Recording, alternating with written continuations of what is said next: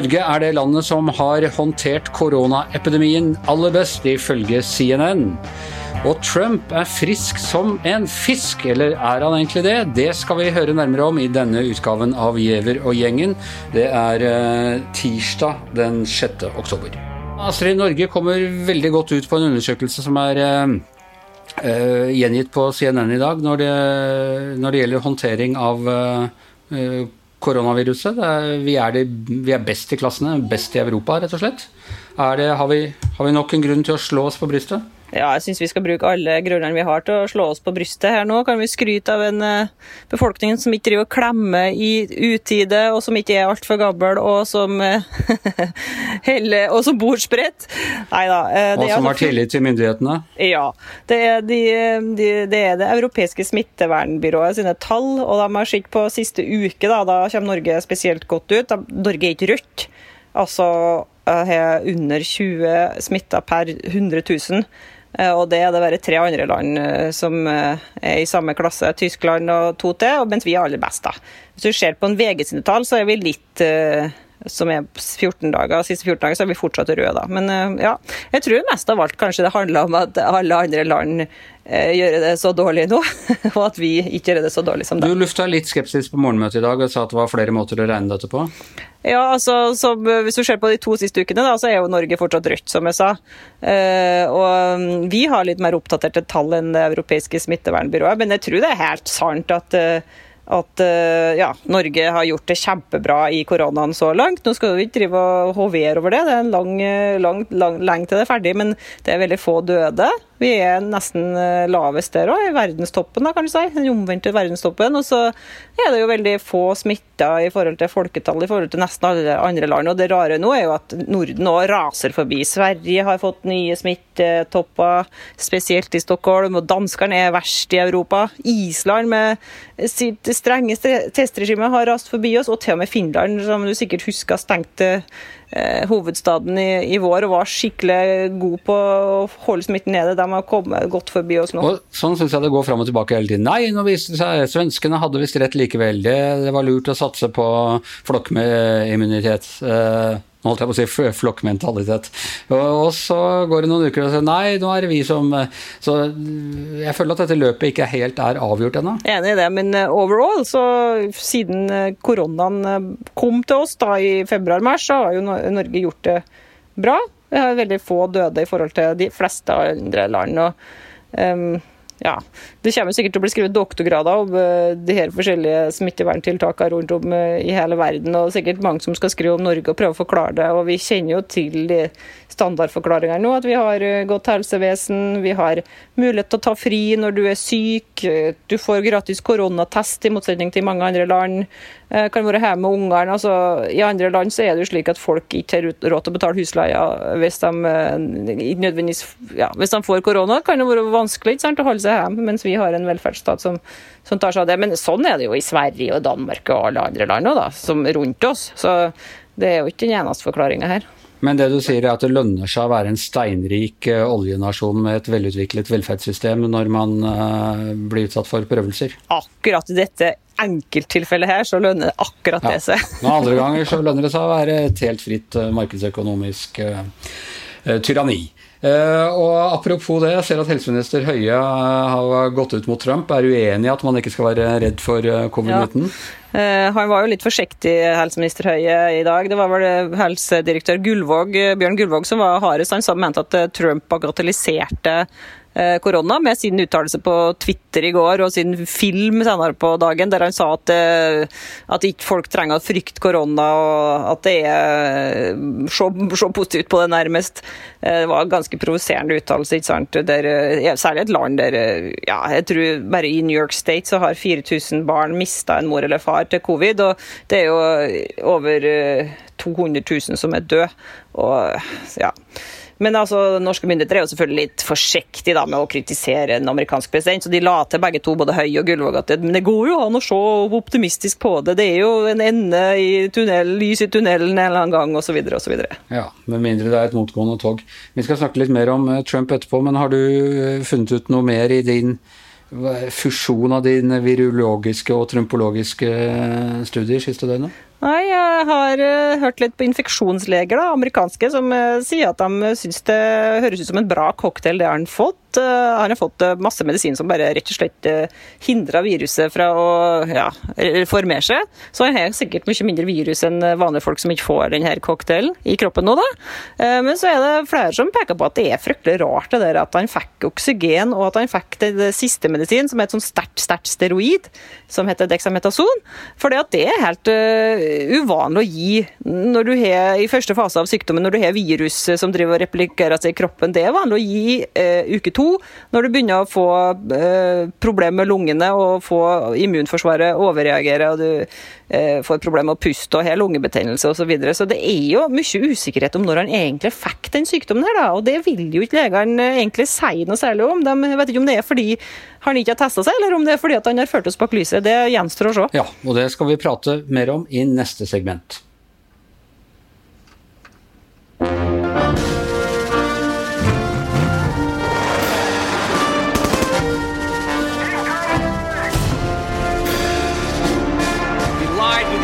Joe Biden is a weak person.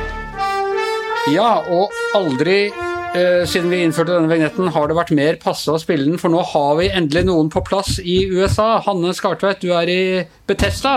Ja. En kort vei fra det sykehuset som eh, Walter Reed, som Donald Trump lå på fram til i går kveld. Rakk du å stikke innom han med, med blomster før han eh, dro tilbake? Nei, jeg sto der med blomsterkvast, men slapp ikke inn. Nei, jeg gjorde ikke det, Anders. jeg satt og så det på TV på hotellet. Men våre folk var jo der, da. Ja, og du, du så liksom hele at han, eh, at han, dro ut og hele Da han symbolskriver av seg masken utenfor Det hvite huset etter å ha gått inn og ut to ganger for å få til en skikkelig foto opp ut av det hele? Ja. Det var eh, sterkt syn. Og når du hørte reaksjonene etterpå i eh, alle kanaler og blant alle eksperter, både medisinske og politiske, alle var rysta over den masken. Jeg tror det bildet av han som tar av masken, kommer til å bli stående etter denne valgkampen. Men er det altså noen Uh, og særlig de da som heller mot Trump, spår i at ja, men dette er den helt riktige tingen å gjøre. Nå har han markert seg som en supermann som kan uh, slå ned også dette Eh, viruset. Han nå, har endelig funnet en positiv spinn på hele koronaepidemien. Dette kan overvinnes, bare se på meg. Uh, en eldre, overvektig mann. Når jeg kan klare det, da kan alle klare det. Ikke la covid styre livet ditt. Er det ønsketenkning fra Trump? Trump-leirens side, eller er, ligger det noe der? Det er helt avhengig av om han faktisk er frisk eller ikke. For det er klart at Hvis han etter tre dager på sykehus går ut, gjør militær hilsen, river av seg maska og er frisk, så kan det tror jeg ha en sånn effekt i en del eh, steder.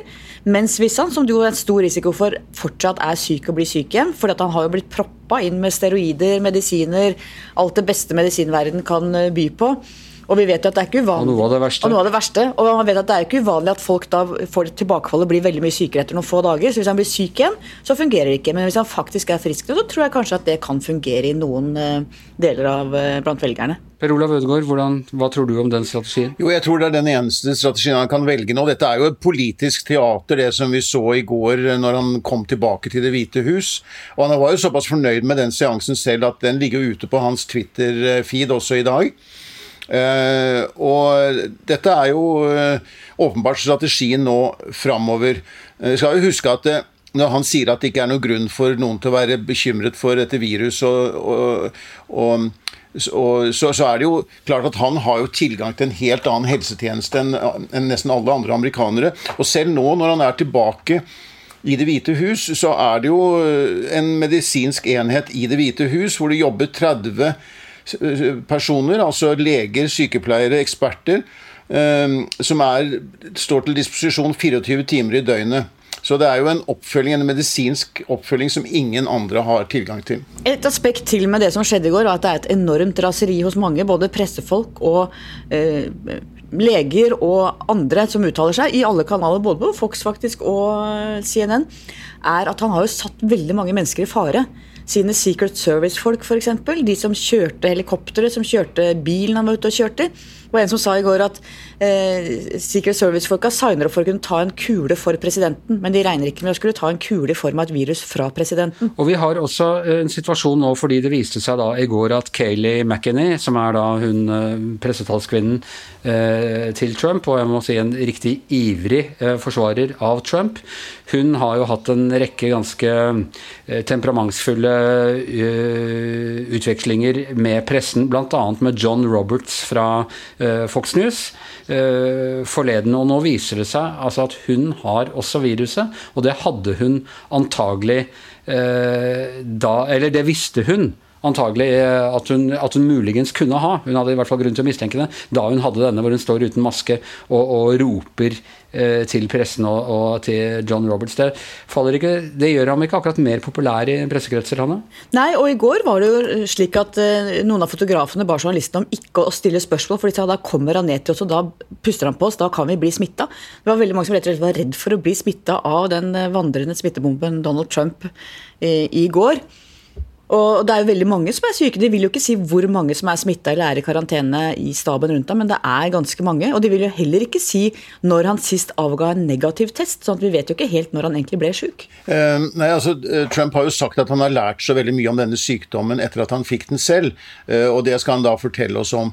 Men han har jo han har jo ikke lært noe om smittevern, da, i hvert fall når han setter seg inn i en lukket bil, når han tar av seg munnbindet når han kommer tilbake til Det hvite hus, og når Det hvite hus nå ikke vil drive noen aktiv um, smittesporing etter den der nå så kjente seansen med den nye høyesterettsnominerte uh, dommeren, Amy Coney Barrett. altså Det var jo lørdag 26.9., en halvannen uke siden. Der, vi vet jo, vi vet jo at i hvert fall elleve av de som var til stede der, er blitt smittet. Men man, man, har ikke gjort noe forsøk på å spore, eller ønsker ikke å gjøre noe forsøk på å spore opp de andre.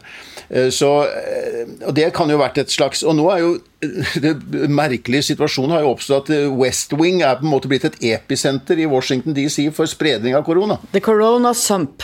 The Corona Sump. og de, jeg har sagt det før, men de, de, bildene er jo helt ekstreme, hvor du ser eh, Chris Christie, som nå er, er eh, sjuk, driver og klemmer på folk, eh, og i det hele tatt uten maske.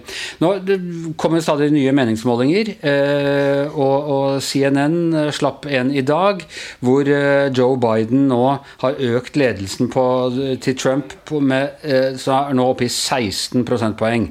Det er altså den største største i eh, løpet av hele denne valgkampen. Eh, den fanger vel ikke helt opp eh, sykdommen til Trump, men den fanger i hvert fall opp den forrige debatten, og kanskje også begynnelsen på nyheten om at han om at han var blitt smittet. Det ser ut som målingene bare går én vei her nå. Er det noen mulighet for Trump å snu oppmerksomheten bort fra covid og tilbake til f.eks. arbeidsmarkedet, hvor han, han, tross alt gjør det bra, hvor, det, er, eh, hvor det, er, eh, det, har vært skapt mange nye arbeidsplasser, eller over på lov og orden eller noe sånt?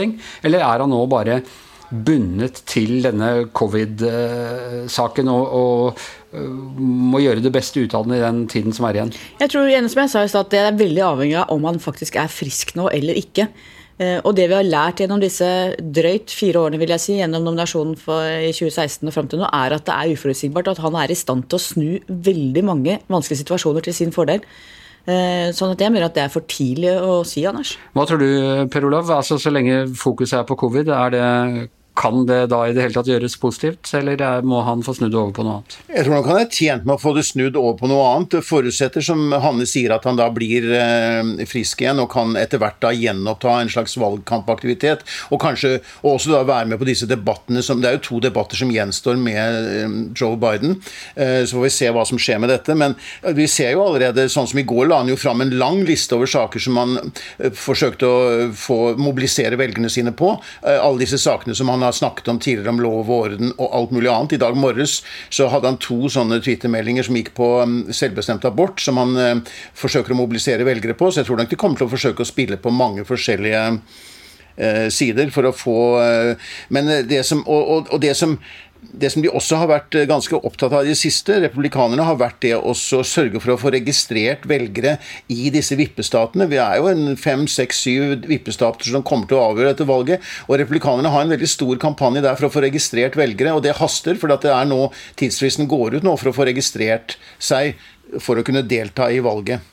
Eh, og der har, de, der har de et forsprang, tror jeg, på demokratene i en del av disse viktige vippestatene. Og så sliter han eh, blant uh, kvinner. Det er, uh, det er to til én uh, blant kvinnene. Så det, det, var jo det avgjørende forrige gang at hvite republikanske kvinner til slutt valgte å gå for han. Nå sitter du, sitter du rett i det nabolaget som som er nødt til å gå fram, Hanne. Hva, hva, er følelsen din der? Ja, Her nordvest for Washington i Betesta tror jeg ikke det er noen damer omtrent som kommer til å stemme, stemme George, nei, Donald Trump. Ikke, ikke de republikanske engang? I utgangspunktet er det veldig få republikanere i, i disse områdene, men jeg tror nok at det sitter langt inne for de som er her.